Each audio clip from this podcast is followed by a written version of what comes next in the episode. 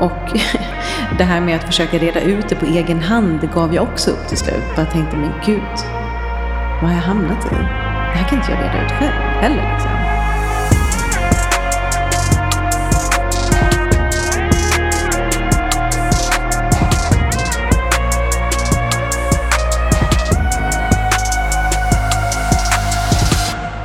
Ja, då är det onsdag igen. Jag sitter här i min sköna fåtölj på Skeppsbron i Stockholm på The House Rehab. Och den här podden heter En beroendepodd och den gör jag ihop med just The House Rehab.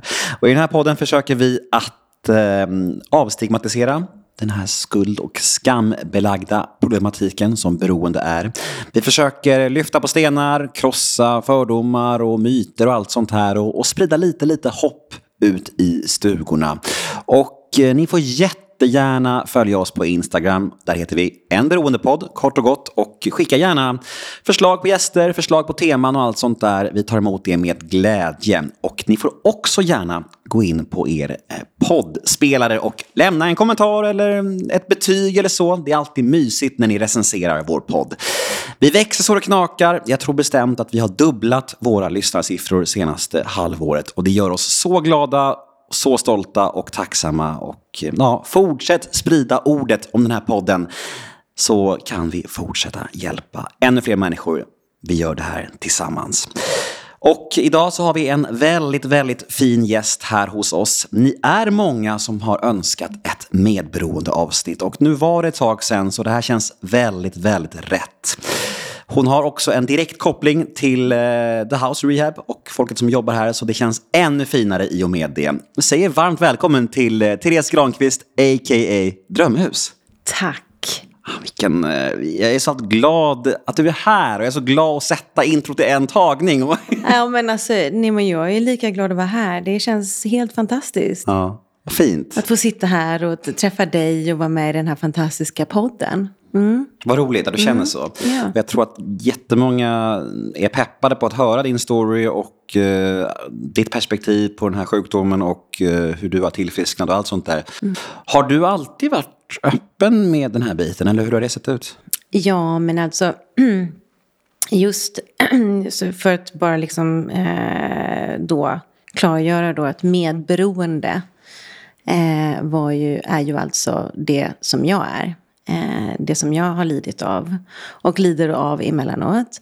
Eh, och det var ju ingenting som jag var direkt eh, medveten om eh, större delen av mitt liv. Utan det var faktiskt någonting som jag först blev varse när jag träffade då min beroende person som jag lever ihop med. Som idag är nykter. Eh, och det var åtta år sedan. Måste räkna här nu. Åtta år sedan träffades vi. Eh, och jag kanske inte var medveten liksom första året och sådär. Men, men sakta men säkert. Och framförallt när vi båda då. Eh, när, framförallt när eh, min eh, särbo, min partner, kom in eh, på behandling. Då var det första gången som jag hörde om begreppet medberoende. Mm. Du har aldrig hört det förut? Nej, inte så, så att det liksom har... Um, så att jag har registrerat det framför allt. Eh, att det faktiskt var, eh, innebar någonting. Jag kanske har hört det någon gång. Men, men, eh, ja, och jag visste absolut inte vad innebörden av det. Jag tror till och med att jag första gången jag hörde det så, så tänkte jag att medberoende det är väl säkert, då kan det vara att när man dricker liksom med med någon. Mm. så, ja. mm, så, så lite visste jag. Det är nog fördomen tror jag. Ja. Jag tror också, jag har något vagt minne av att det var det jag tror att det var också för många, mm. många år sedan. Att liksom mm. man är beroende med någon. Man ja, hjälper en att dricka eller man dricker ihop och så ja. Det låter ju mest naturligt. Ju. Ja, verkligen. Ja, ja. Men vad var det som var liksom ögonöppnaren eh, i det? Alltså, när, vad var liksom det primära Alltså, när du hörde det känner du så här, shit, det där kanske är någonting som har med mig att göra? Ja, men alltså, eh, sådär, framförallt så var det ju, eh, det var så här att jag hade aldrig, eh, jag har aldrig blivit medberoende, känt mig så medberoende eh, så att mitt liv liksom kändes så ohanterligt förut. Alltså det var fortfarande hanterligt. Um, även om jag kan se tillbaka nu och kunna se en röd tråd, liksom, framförallt då i relationer, Um, så, så var det inte ohanterligt. Jag kunde ta mig ur en relation liksom, som kunde kännas destruktiv. Och, och liksom tyckte inte att jag satt fast. Det jag märkte, det jag kände med Peter var att jag, jag det var någonting som jag inte kunde kontrollera. Eh, för att det här medberoendet till honom var så starkt. Och till den här sjukdomen som jag inte heller visste var en sjukdom. Eh, så, så därför så, så eh, alltså livet, mitt liv började kännas ohanterligt. Eh, I den bemärkelsen av att jag kände att jag, jag kan inte lämna den här personen. Jag kan inte lämna den här relationen. Eh, och det, det var nog det som var, eh, vad ska man säga, en väckarklocka. Där jag förstod att men jag har ju också problem. Eh, jag har inte bara problem med att, att han eh, dricker och inte vill bli nykter. Utan jag har även problem. Liksom, sådär. Det började liksom på något sätt klarna upp. Mm. Eh, så. Mm. Men det är intressant, för du pratar ändå om att tidigare har funnits eh, alltså, destruktiva relationer på ett mildare plan om man säger så. Ja, ja men, men kan vi inte fördjupa oss lite i det, den stora skillnaden där? Mm. Vad, vad, hur skulle du beskriva då kontra nu om du ska en lite mildare destruktiv relation med en relation där det finns medberoende också. Vad är skillnaden? Eh, ja, men jag har reflekterat lite över det. Och jag tror att det handlar framförallt om att när jag var yngre så fanns det hela tiden liksom det här med att det hörde liksom lite åldern till. Eh, att man hade struliga relationer eller en strulig pojkvän. Eller det var bara struligt. Alltså du vet, så. Och det var lite stökigt och det var party och det var liksom sådär. Jag bodde i London framför allt. Där var det ju otroligt annorlunda. Alltså normerna där är ju ganska annorlunda och sådär. Eh, och lika, likadant alkoholkulturen och festkulturen är väldigt annorlunda. Så att det var nog inte så märkbart, framförallt inte där. Utan det var nog så att jag började, när jag flyttade hem till Sverige och var liksom, jag började närmare 40 års strecket. Ehm, så började jag liksom titta lite runt omkring mig och tycka att Mm, men nu har ju alla familj här och det var inte så att jag liksom kände så här att Åh, det är något fel på mig att inte jag har familj. Utan jag hade valt min karriär och så vidare och satt, satt den framför och bott utomlands och så. Men sen när jag träffade då min, min, eh, min nuvarande partner så, så var det väl det som på något sätt um, eh, kändes mest naturligt att det var det som väntade nu. Att nu skulle jag liksom stadga mig med honom och vi skulle flytta ihop. Och du vet, vi flyttade ihop i Nyköping. Och nu var det liksom dags för den här stora grejen då. Som jag tror att jag delvis kanske hade fasat för då. Tänkte hur gör man det här då? Det fanns säkert lite osäkerheter och inre rädslor om det. Men, men ehm, det, var, det var faktiskt det jag trodde. Eh, och sen då när vi började stöta på de här problemen eh, allt eftersom, då, då, det var då det började kännas att nej men fan, det kanske är någonting liksom, som jag måste ta itu med också. Eh, som gör så att inte jag riktigt kan, kan, att vi får inte riktigt ihop det. Mm. det liksom så här, vi flyttade ihop och liksom så här, ja men nu skulle vi skaffa barn. Fan vad mycket problem och konflikter det var i den här relationen liksom. Mm. Eh, men tidigare så, så, var det ju som sagt, då var det så här, ah, men man gjorde slut och så gick man vidare. Och sen så gick, man, gick jag in i en man, ny relation och så vidare. Den brukar hålla ungefär tre, fyra år i snitt. Liksom. Mm, jag hade väl haft liksom en, en två, tre seriösa sådana pojkvänner. Men aldrig någon som jag liksom hade gått över det där, den där fyraårsgränsen med. Det kan man ju också, eh, kan jag också fundera på, liksom, varför, varför då? Det kanske var så att, att liksom, ju mer man lär känna varandra och kommer in på de här djupare lagren eh, på sig själv och den andra, så, så det var kanske där det satt. Och jag var inte riktigt redo att möta det. Eh, så det finns lite olika teorier om det. Eh, men ehm, men eh, med, med med min partner då så, så var det så att jag, vi, jag stannade kvar. Jag kunde faktiskt inte göra något annat. Inte där då. Sen finns det ju teorier om, eh, och även, eh, ja jag vet inte om det är fakta, men man brukar säga att medberoendet också är en progressiv sjukdom. Eh, och för mig, min egen erfarenhet, så tycker jag att det ligger någonting i det också. Att när jag eh, liksom började närma mig en viss ålder och hade liksom varit semi-medberoende, liksom, om man ska jämföra det då i olika stadier, så tror jag nog att när jag träffade min, min partner och han träffade mig, då klev vi nog nästan båda två in i en så kallad tredje fas. Där The hans, perfect storm liksom. The perfect storm. Där hans beroende och mitt medberoende var liksom, um, alltså ja, verkligen exploderade liksom. Eh, och det finns ju säkert någon mening med det. Eller det är jag helt övertygad om. Um, Det är för- väl också så att eh, medberoende och beroende oftast dras till varandra. Alltså, Precis, exakt. Men just att vi har, att vi gick igenom det tillsammans. men vad är medberoende för dig? Om man ska försöka bryta ner lite. Begreppet. Jag tror att medberoendet för mig satt i, snarare än att försöka få min partner nykter och att inte dricka, så var det nog att eh, försöka kontrollera utgångs, eh, utgångslägen. Ehm, alltså katastrofer, förhindra katastrofer, för ta, ta liksom kompensera och ta ett överdrivet ansvar ehm, där han borde tagit ansvar. Ehm, och framförallt då känslomässigt. Istället för att liksom ta ansvar för mig. Ehm, så, så, så har jag, hade och har en benägenhet. Men framförallt då med honom att jag skulle kontrollera hans känslor. Ehm, och liksom så här, så här måste han vara för att jag ska vara okej, för att vi ska vara okej. En ovilja att se på saker som de är. Um, kan jag mer säga? Ehm, ja, men istället för att fokusera på mig själv. Ett överfokuserande på den andra. Um, jag, jag tror också att det kan... Jag kan också benämna en... Att det finns hela tiden en, en svag känsla av ett eget jag.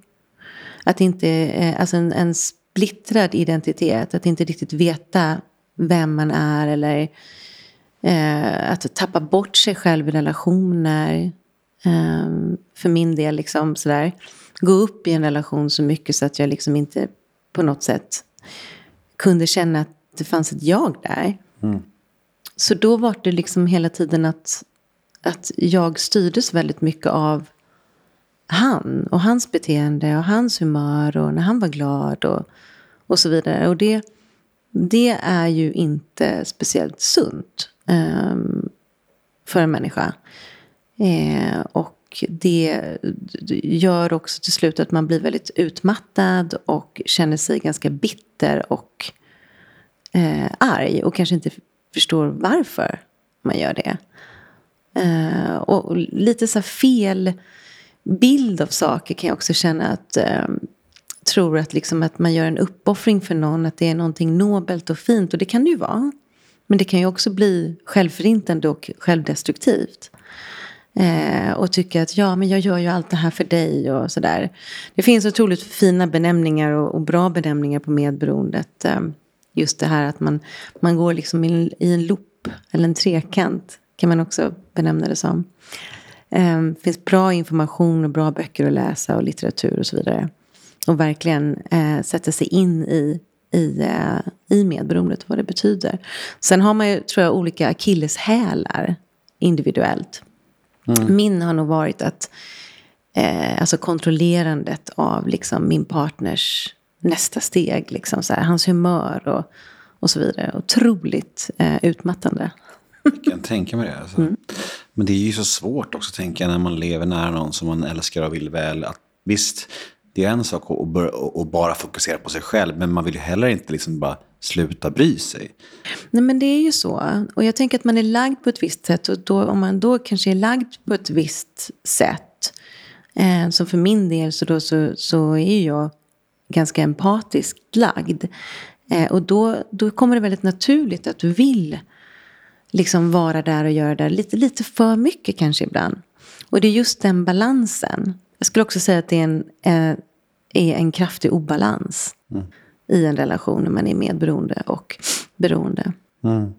Men ni träffas, eh, åtta år sedan, nykära, det är flames, det är passion, det är kärlek. Det är livet leker. Ja. Eh, hur tidigt in i relationen börjar det liksom ändå bli... Ja, men, du börjar ändå känna att det kanske, det här är inte riktigt bra. Alltså det här, jag kanske inte ska må så här. Det som det vi gör kanske inte är så sunt. Eller, eller förstår du frågan? Ja, ja absolut. Och jag, men det märktes nog relativt ehm, tidigt faktiskt. Jag skulle nog säga det första året. Ehm, även om vi var väldigt nykära och, och så, så. Så märkte jag av det. Att jag märkte att eh, hans dryckesvanor var ju lite utöver det normala. Eller vad jag ansåg var normalt. Men det var ju någonting som han nästan så här liksom, han, ja han försökte ju dölja det såklart, så bra som, bra som möjligt. Eh, och ibland lyckades han göra det och ibland lyckades han inte göra det. Eh, och det var väl så jag någonstans började liksom mm, kartlägga. Jag vet att vi hade eh, konversationer där jag liksom kunde säga någonting så där vi kunde gå ut en promenad och, och så, men du jag skulle vilja prata med dig liksom om det här, det här jag ser ett mönster, kommer jag ihåg. Jag ser ett mönster, det var det. Så. Jaha, sa han liksom så här. Mm. och så, så började vi liksom prata om det och han tyckte nog att jag var ganska tjatig och kritiserande och sådär. Vilket jag säkert var. Eh, och, och, men just den här också, eh, jag, jag trodde ju att han skulle bara liksom ta till sig det och, och ändra på det. Mm. Och när han inte gjorde det så var jag så men vad fan, nu gjorde du det där igen. Mm. Liksom. Vad fan händer nu? Och, får du inte nog liksom? Så, men så där mycket kan du inte dricka och sådär. Ja. Ja, men det där är intressant. För det är som en sån liten sak, men ändå så otroligt talande. ja. För liksom så här, en människa som inte har sjukdomen, men han skär ju bara ner. Ja, Ja. visst. Det är liksom så basic egentligen. Ja, det är jättebasic. Men, men med en alkoholist så är det ju inte det. Nej. Eh, och, och det har jag ju förstått först i efterhand. Så det spelar ingen roll liksom, att jag stod där och stampade och skrek och, och slet mitt hår till slut. Liksom, och bara så här, vad lyssnar du inte för? Ehm, och, eh, men också då var så här, men nu borde jag ju kanske lämna den här relationen. och då bara, fast det kan jag inte. För då hade jag ju blivit besatt av att han skulle sluta dricka. Och såg det som att det var mitt mission framför allt. Och det skulle jag väl också, också eh, verkligen eh, kunna benämna som ett kraftigt medberoende. När man tror det. Du känner att det var ditt ansvar liksom? Ja, absolut. Absolut. Och framförallt att jag skulle kunna lyckas med det. Det var ju också det där, den största, eh, vad ska man säga? Ja, det, det går inte helt enkelt. Största självbedrägeriet Ja, ja sätt. jag skulle man kunna kalla det. Mm. Men eh, de här tankarna och känslorna du har kring hans missbruk, tar du upp det med honom? Då menar du? ja? Mm, att, att, att du, du ska hjälpa honom att bli Innan- nykter och så här? Och, Ja, men precis. In, jag tror att du har ett alkoholproblem. Var nog den första eh, liksom, kommentaren. Och sen var det ju så här, du är alkoholist. Kanske till och med skrek den en gång. Så, höjde rösten liksom. Så. Hur landade det? Nej, va? Liksom. Nej, men det var ju total, det var ju bara en, en, en total förnekelse. Nej men, det, nej, men det ville han inte höra. Men, men sen hände det någonting. För att sen så tycker jag liksom att, för jag var inte, eh, jag var inte liksom så att jag var på honom hela tiden och, och så, utan mm, jag tror också att många känner igen sig i det, att, att det är svårt att se det här um, eh, sammankopplingarna. Du tror att det händer en helg och sen händer det nästa helg. Och de helgerna har ju inte nödvändigtvis ett samband. Utan det är olika situationer. Och på så sätt så lurar du dig ännu mer som, som anhörig och medberoende. Eh, du tänker att ja, men nästa helg blir det annorlunda. Eller nästa gång blir det annorlunda. Eh, och, fast det blir det inte. För att det är en sjukdom och det finns ett samband mellan alla de här gångerna. En röd tråd. Ja, Du menar att det hade varit enklare att liksom se sambandet om det liksom, alltid, alltid på en fest eller alltid Ja, men på en precis. helg? så? Och Ja. problemet blir ju som medberoende och anhörig att du, du börjar bygga upp ett hopp Mm. igen. När den beroende, beroende eh, kan liksom lova och säga då liksom att ja, men det här är bara en engångsgrej och det kommer inte bli så igen och sådär va. För att du inte vet. Du förstår inte och vet inte att det är en sjukdom. Så då tror du ju på eh, den beroende, din beroende person då, som du lever med. Eh, när, när, när han eller hon säger så. Eh, och därför är det så svårt. Och det gör det också svårt att lämna. Därför att hoppet som vi vet är ju väldigt liksom, ja, segt, eller vad man ska säga, starkt. Det sista som lämnar oss. Vi slutar aldrig hoppas och tro då. Mm, och det kan gå flera, flera år. Alltså, folk kan hålla på så. Vi hade väl liksom turen, kan jag väl känna nu, och, och, privilegiet att, att faktiskt få hjälp relativt tidigt, eller vad man ska säga, tre, fyra år in i vår relation. Mm. Och det var faktiskt för att min partner till slut kapitulerade. Han gjorde det ett par gånger. Han ville ha hjälp. Det kan jag se nu. Han ville, ha, eh, han ville komma ur det här. Han, han insåg själv liksom att det här var ohållbart.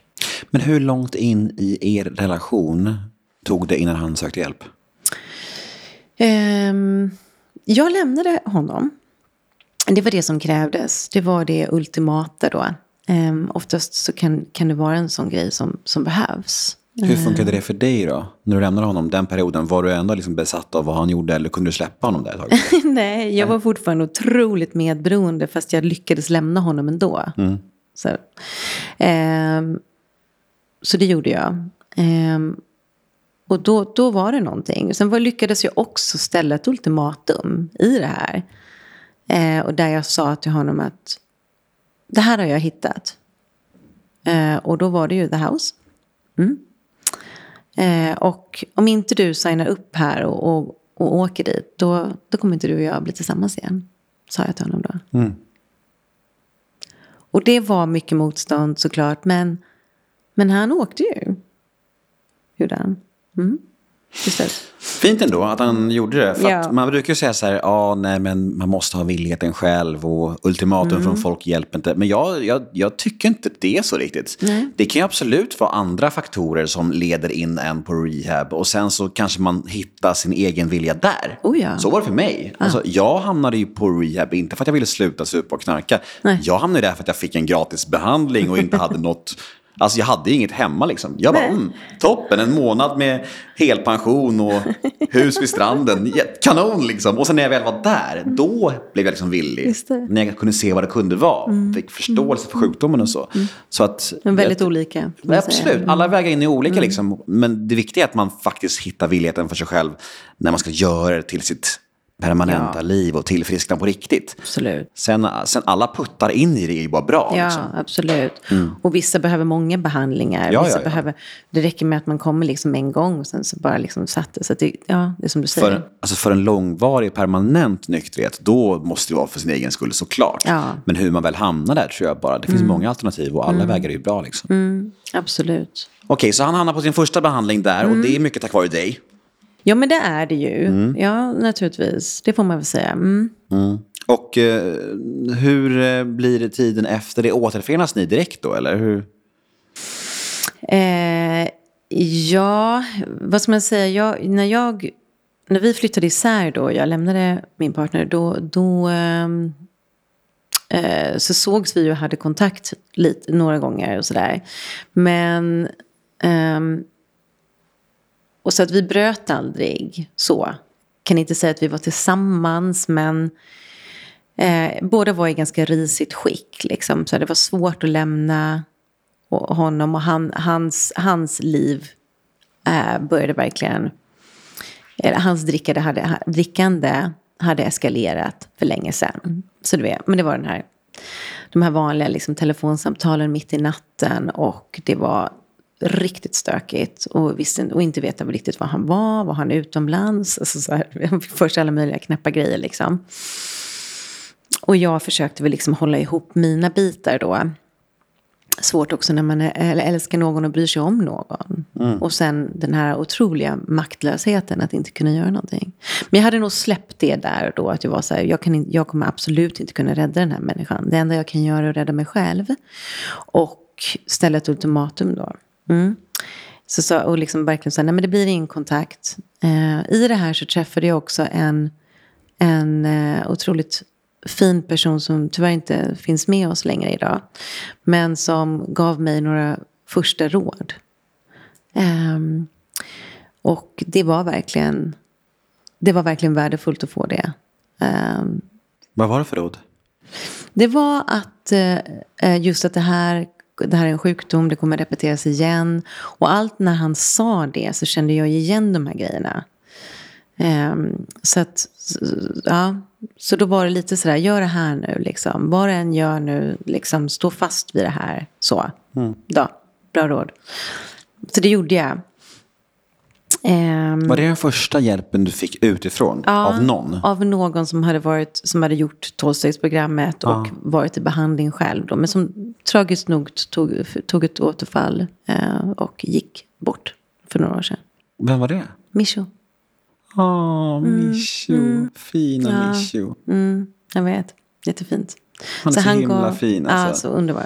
Vi tillägnar den här episoden till Mischo. Ja, det gör vi. Ja. Uh, gud, Eh, kan nästan inte prata om honom. För Nej, han är så himla fin. Ja, men han... jag har känt Mischo sen jag var eh, 18. Jag visste inte det. Mm. Ja, du ser. Way back. Mm, Nej, det var, det var en vän mm. till mig också. Han mm. är, en vän till många av oss här. Mm. Mm. Så, så Mischo var och jag gick ut och käkade. Han tog kontakt med mig för att han ville göra en gottgörelse. Mm. mm. Också ett begrepp som, som jag använder. Men det, det är sådär och jag tyckte inte att det var speciellt farligt. Men han ville träffa mig och bara så här, du, jag, ja, det var stökigt liksom sen när vi var yngre. Och han, Mischa hade sin historia som han också varit väldigt öppen med. Den finns mm. att, att läsa om. Um, och hans vägar mot uh, tillfrisknande också. Um, och så då träffades vi. Och jag var så här, men jaha, gud vad kul, vad, vad roligt att det går bra för dig, vad roligt att se liksom. Och så, så berättade jag om min situation och då gav han mig de här otroligt eh, värdefulla råden. Och sa att, men Therese, du är medberoende och han är beroende. Liksom. Och då var det också bara begrepp sådär. Det var innan Peter kom in, eller min partner kom in i behandling. Mm. Mm. Gud, jag börjar tänka på Mishimasa nu bara mm. för det. Uh... Fan alltså. Mm. Sån jävla slöseri. Alltså. Det är sånt jävla waste på alla de här människorna mm. som försvinner. Alltså, det är, det är det. inte klokt alltså. Just därför så är det så otroligt viktigt. Att, eh, ja men det här till exempel, den här mm. podden. Mm. Och, ja, Verkligen. Nej, men det, det, alltså, alla de här människorna som faller bort. Det, det motiverar en. Mitt i all bedrövlig sorg så motiverar en ju bara ännu hårdare att, att göra det här. Liksom. Mm. Både för sin egen skull och för alla människor som lider. Liksom. Mm. Det är ju verkligen det viktigaste som finns. Ja, men precis. Och med det skulle jag säga då att, så att jag stod på mig. Mm. gjorde jag. Bra. Eh, och eh, min svårt partner. eller? Var det svårt? Ja, men det var svårt. Det var absolut svårt att stå på sig. Och du frågade mig om tiden som, som följde sen då när min mm. partner kom in på Norsholm. Och det var ju, jag var fortfarande medberoende. Men också någonstans så bor det ju en illusion i de flesta medberoende då innan de, man själv kommer till ett, eh, innan man själv får hjälp. Eh, för det måste man få. Och det, det, det förespråkar ju ni väldigt mycket. Och er behandling går väldigt mycket ut på det, att alla får hjälp. Eh, men innan då så fanns det ju en tro i mig. Ehm, ytterligare då liksom en, så här, ett, en falsk tro om att när min partner blir nykter så kommer ju allting bli bra mellan oss två. Och jag kommer ju må bra nu. Och det var ju inte sant. Eh, därför att jag mådde så fruktansvärt dåligt under den här perioden. Och tänkte bara, ja men det går säkert över. Det går säkert över. Eh, och sådär. Kan du utveckla på vilket sätt du mådde dåligt? Hur, hur, vad, hände, vad pågick i ditt huvud där? Jag tror att det som händer med en, det är att man befinner sig i ett onaturligt tillstånd. En sån, du befinner dig i en sån extrem situation när du lever med en aktivt beroende. Alla som har gjort det vet vad jag pratar om. Eh, och det, gör, det, det händer grejer med, med dig som individ. Alltså kroppen, hjärnan, eh, ditt nervsystem, allting responderar ju på det.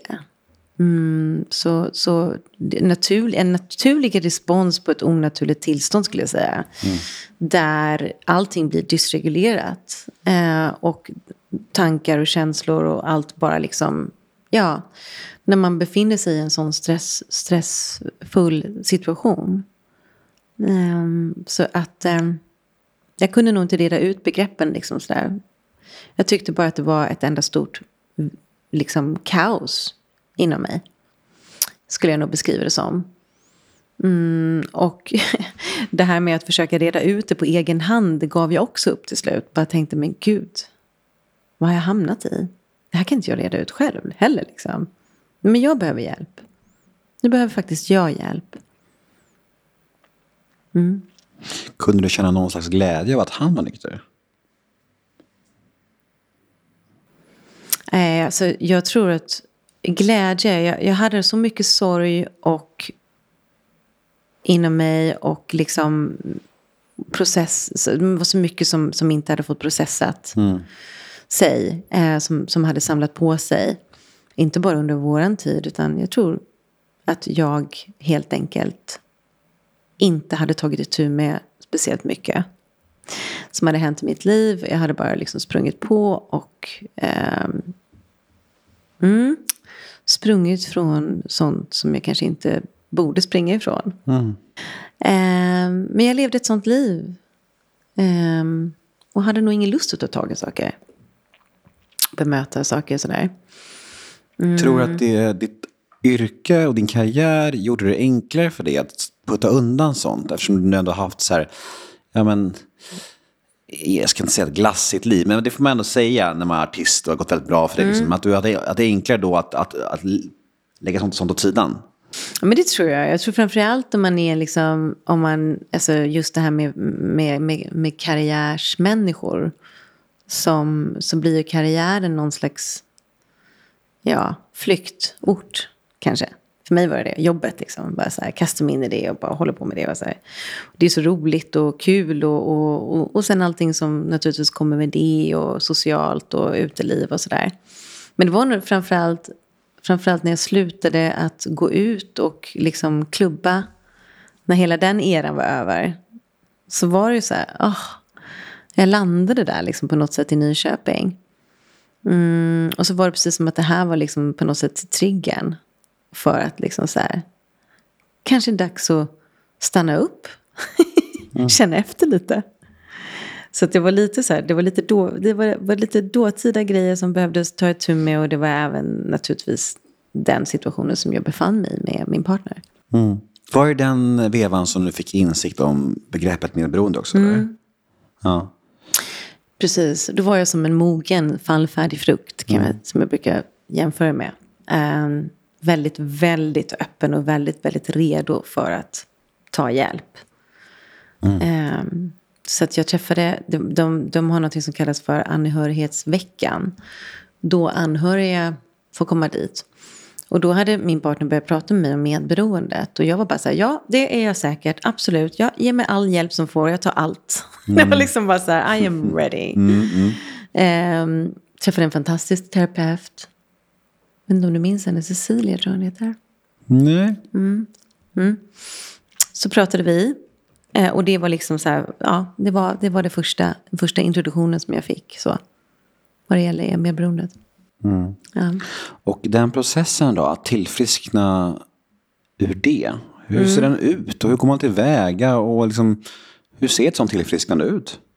Ja, men när man säger då att man är sjuk, så det här är ju eh, det är lite svårt för vissa att ta till sig. Mm. Framförallt allmän, allmänna sjukvården och så vidare. Kanske inte just se på det här som ett eh, sjukdomsbegrepp. Liksom. Varken medberoendet eller beroendet.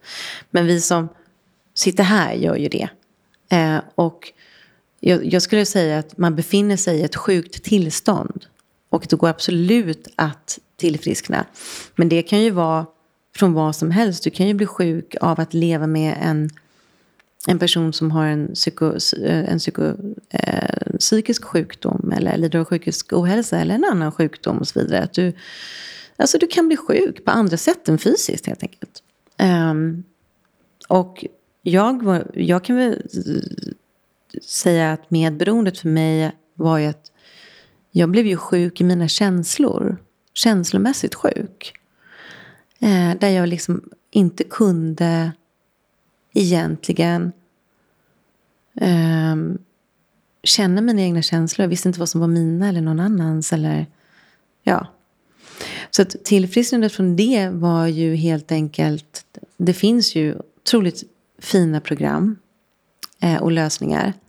Så eh, när jag fick ta del av det så eh, började faktiskt nysta ut allting.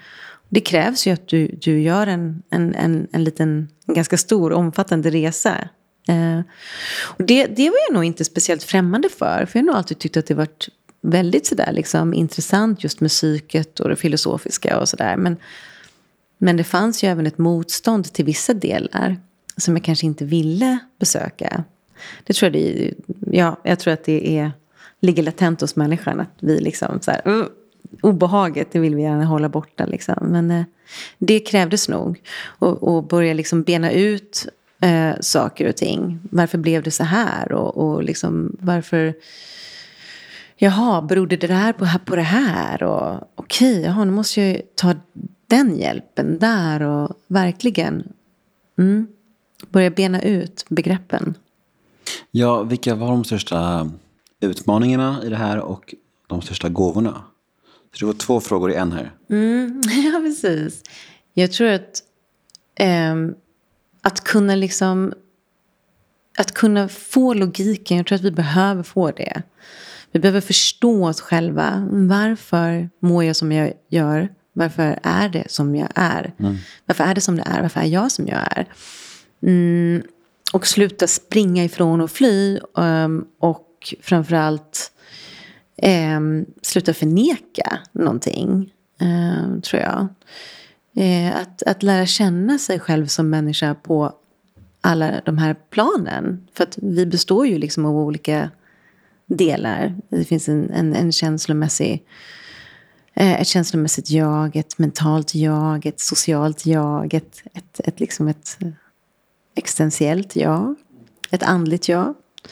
Och alla de här rummen behöver ju um, ja, men behöver liksom, framförallt behöver finnas närvaro i och en balans. Eh, och jag levde nog väldigt mycket i liksom någon slags Ja, en, en roll eh, som kanske hängde lite ihop med, med artisten och, och sådär. Mm. Så, att, så att för mig var det nog att verkligen landa i mig själv, lära känna mig själv på djupet. Kliché. Mm. det var ju det. Eh, och förstå liksom vad mina sår härstammar ifrån att jag hade det. Och hur de utspelade sig i, i, i min relation och hur de kanske ja, i allra högsta grad, grad liksom, eh, skapade ett medberoende hos mig. Mm. Vi ska koppla in eh, mina vänner från The House Rehab för att svara på en lyssnarfråga i segmentet som heter The House svarar. Ja, då ska jag, Robert och Felix försöka svara på en lyssnarfråga. Det blir faktiskt oftast ni två. Det är ju själva meningen med segmentet. Ja. ja. Hej Felix, hej Robert. Tjena. Hej Nemo. Mm. Nu är det The House svarar och vi ska hugga tag i en lyssnarfråga. Hur känns det? Är ni redo? Ja, vi är redo. Jag, jag vi ska det. göra så gott vi kan i alla fall. Ja, vi, mm. Det är det vi kan inte lova göra. någonting. Ja, vad sa du? Vi kan ju inte lova något. Ja, jo, men det får ni göra. det får ni göra. Eh, veckans fråga lyder så här. Hej! Tack för en bra podd. Jag har funderat på en sak länge som tynger mig lite och det rör mina föräldrar. Båda mina föräldrar har haft problem med alkohol och droger och nu undrar jag hur jag ska tänka kring detta. Behöver jag vara extra försiktig och hur pass genetiskt är det? Eller kan jag helt enkelt sluta tänka på det här? Det är absolut värt att tänka på det. Eh, oavsett vilken sjukdom som det finns i vårt familjeträd så ska man alltid vara lite extra försiktig ifall man vet att det finns genetiska förutsättningar för den. Och när det kommer till alkohol, eller alkoholism och narkomani och beroende så ökar det ju rent procentuellt chansen för en själv att utveckla ett eget beroende. Så att ha det med sig, liksom, att titta på sina vanor och liksom hur man själv utvecklas som individ finns ju absolut ett värde i. Sen så tycker jag inte att man ska gå runt och vara livrädd. Utan Däremot att kanske hålla ett lite mer vakande öga. Eh, just när vi vet hur verkligheten och historien ser ut för när det kommer till vilka som utvecklar beroende och inte. Men forskningen idag har kommit fram till att, att den här sjukdomen är genetiskt överförbar. Man kan ärva den genetiskt av mina, mina biologiska föräldrar men, men jag kan också ärva den via det sociala arvet. Jag skulle mm. alltså kunna ha en eller två styvföräldrar som, som har den här sjukdomen mm. och eh, ärva den på det sättet. Och, Eh, det forskningen säger, nu varierar siffror fram och tillbaka från år till år, men det, det forskningen brukar säga är att, att har jag en förälder som, som har beroendesjukdom eller är alkoholist så löper barnen ungefär 25 procent att ärva sjukdomen. Eh, och har jag två föräldrar som har sjukdomen så löper barnen ungefär 50 till 60 procent att ärva sjukdomen. Mm. Eh, sen är det ju viktigt, det låter ju som i frågan att, att föräldrarna är aktiva. Det låter ju inte som att de har tillfrisknat, eh, men, men att personen själv ändå har viss kunskap om det här. Han har ju sett det här, sett problematiken. Så Eh, vårt råd är ju snarare att, att kanske ta kontakt med någon och, och söka hjälp för medberoende, skaffa sig mer kunskap om den här sjukdomen för att minska riskerna att, att eh, hamna i eget beroende. Mm, kanske The House Rehab. Kanske The House Rehab, absolut. Ja, men det bästa är ju att söka upp något i sitt egna närområde. Ja. Eh, Men man kan alltid ringa till oss. Ehm, och mm, här handlar det precis som Felix sa tidigare, det handlar ju främst om att, att skaffa, skaffa mig information. Jag har berättat för alla mina barn, de vet mycket väl om att de löper högre risk och vi har väldigt öppna samtal eh, där de kan berätta om sina kompisar som de kanske tycker dricker lite för mycket. Och, ehm, Det kommer jag också göra. Och jag tror att det är väldigt viktigt att som förälder göra det. jätteviktigt. Det är så himla knasigt dock, för att jag eh, kommer ihåg att jag lovade mig själv att aldrig bli som min pappa, men jag blev exakt som min pappa. Jag med. Och det, jag tror att det finns en bok faktiskt som heter Det ska aldrig hända mig. När jag såg den boktiteln så var jag, fan det där har jag ju sagt hela mitt liv. Ja. Och bara för att lägga till, det behöver inte bli så. Nej, Men vi kan, alltså, vi kan göra ett aktivt arbete för att det inte ska bli så också. Så är det. Mm. Och det arbetet kan börja på The House Rehab. Och om man vill att det ska börja hos er, vart vänder man sig? Då vänder man sig till alicia.thehouseria.com eller sandra.thehouseria.com. Turbo idag. Ja, och så har vi ett telefonnummer. Ja, det finns på vår hemsida. Gud vad härligt. Tack för idag. Tack för idag. Till eh, du kloka människa som ställde veckans fråga och hoppas du är nöjd med ditt svar. Jag sitter här med Therese från, eh, ja, från Drömhus. Jag sitter här med Therese, a.k.a. Drömhus, har vi sagt. Du, eh, jag tänkte på en sak. Eh, du nämnde tidigare det här med att eh, under er resas gång så har din partner fallit tillbaka två, tre gånger i återfall. Hur gör du då? Och hur har du gjort för att inte själv falla tillbaka i exakt samma mönster? Har, och har du kunnat liksom sätta gränser då med? Eller, eller blir det lätt så att man bara faller in i samma karusell igen då? Hur ser det ut? Ja, men eh, vi pratade faktiskt om det häromdagen och det, det har ju sett väldigt olika ut. Naturligtvis ett, ett, alltså ett, ett tillfrisknande och den här läkningen, det, den, den sker inte nödvändigtvis över en natt. Utan eh, det, det, det sker över tid. Eh, och så att, så att när min partner då tog sitt första återfall där så var det väl inte så att det var en chock, att det kom som en chock att liksom, oj, han, han vill dricka igen. Liksom. Det hade jag nästan kanske förväntat mig. Eh, och då hanterade jag nog det, eh, jag var säkert, eller jag var väldigt medberoende. Samtidigt också som att jag märkte att det hade kommit in eh, ett tillfrisknande där som fanns. Ehm, och eh, jag kunde, jag var, för, jag var liksom, eh, jag kunde sätta gränser som jag inte hade kunnat göra förut. Även om jag även också hade svårt för det. Eh, men framförallt var det det här att okej, okay, om du ska göra det här nu, då, då, vill inte, då finns inte jag här. Utan vill du göra det här så, får vi göra, så gör vi det här tillsammans. Och då krävs det att du är nykter. Mm, så de gränserna, de, de lärde jag mig ganska snabbt att kunna sätta. Det var liksom verkligen starkt. Och det, det kändes som att det var väldigt grundat i mig. Liksom att jag förstod det att det här måste jag göra för mig och för honom. Började bli bättre på att skydda mig själv. Och vara så här, vad behöver jag göra? Eh, för att om inte jag kan ta hand om mig eh, så, så så är, kommer jag ju vara tillbaka där jag var. Och det vill jag absolut inte. Så det blev mer och mer viktigt att ta hand om mig själv när han eh, tog sina återfall. Då var det så här, okej, okay, då gör du det och då gör jag det här. Eh, sen var det jätte, otroligt jobbigt känslomässigt naturligtvis. Och, och vi gick igenom många faser som var otroligt slitsamma i den här processen. Eh, men blev starkare och så. Absolut ingenting som var självklart. Och vi visste inte alls, liksom så här, kommer vi klara det här? Kommer vi fortfarande kunna vara tillsammans? Och vill vi det? Och så vidare. Det var verkligen ingenting som är självklart med den här sjukdomen. Eh, men liksom, vi, vi blev bättre på att ta en dag i taget och bygga upp liksom var och ens individuella styrka, styrkor.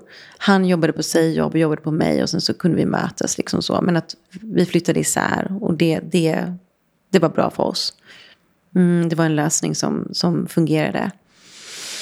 Um, för då kunde vi ju liksom ta de här pauserna som vi behövde göra då och då. Eller väldigt ofta i början. Timeouts. När, eh, när det inte riktigt fungerade.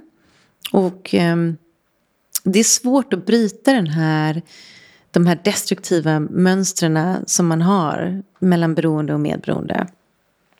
Även så kallad den här dansen. Liksom. Mm. Eh, det kan vara väldigt utmanande och väldigt svårt. Eh, och, och, man behöver mycket hjälp. Och vi, vi har tagit väldigt mycket hjälp. Dels personligt, alltså personligen, alltså var och en för, av oss och sen gemensamt.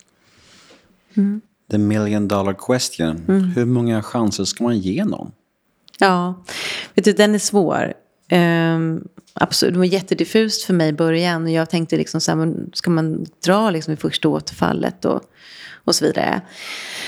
Um, och jag har pratat med väldigt många om det och, och eh, sådär, väldigt många kloka människor som, som jag lyssnar på uh, och tagit råd av. Och det kan se väldigt, väldigt olika ut. Och det finns ju liksom inga manualer eller sådär vad som är rätt och fel.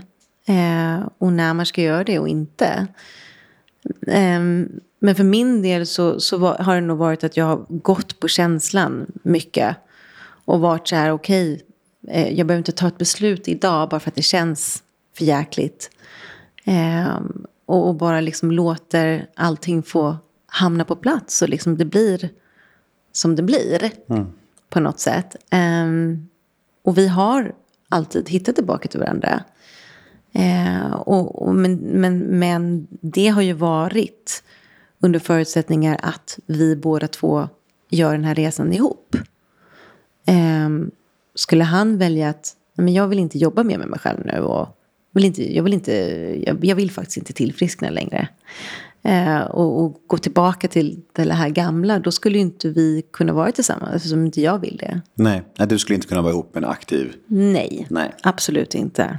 Och det vet han. Och ehm, ja, så, så ehm, det är väldigt, ser väldigt olika ut. Jag tror att man får, det, det får man, måste man själv kunna ähm, avgöra till slut. Eller ta hjälp för att få hjälp att avgöra det. Och höra sig för. Och...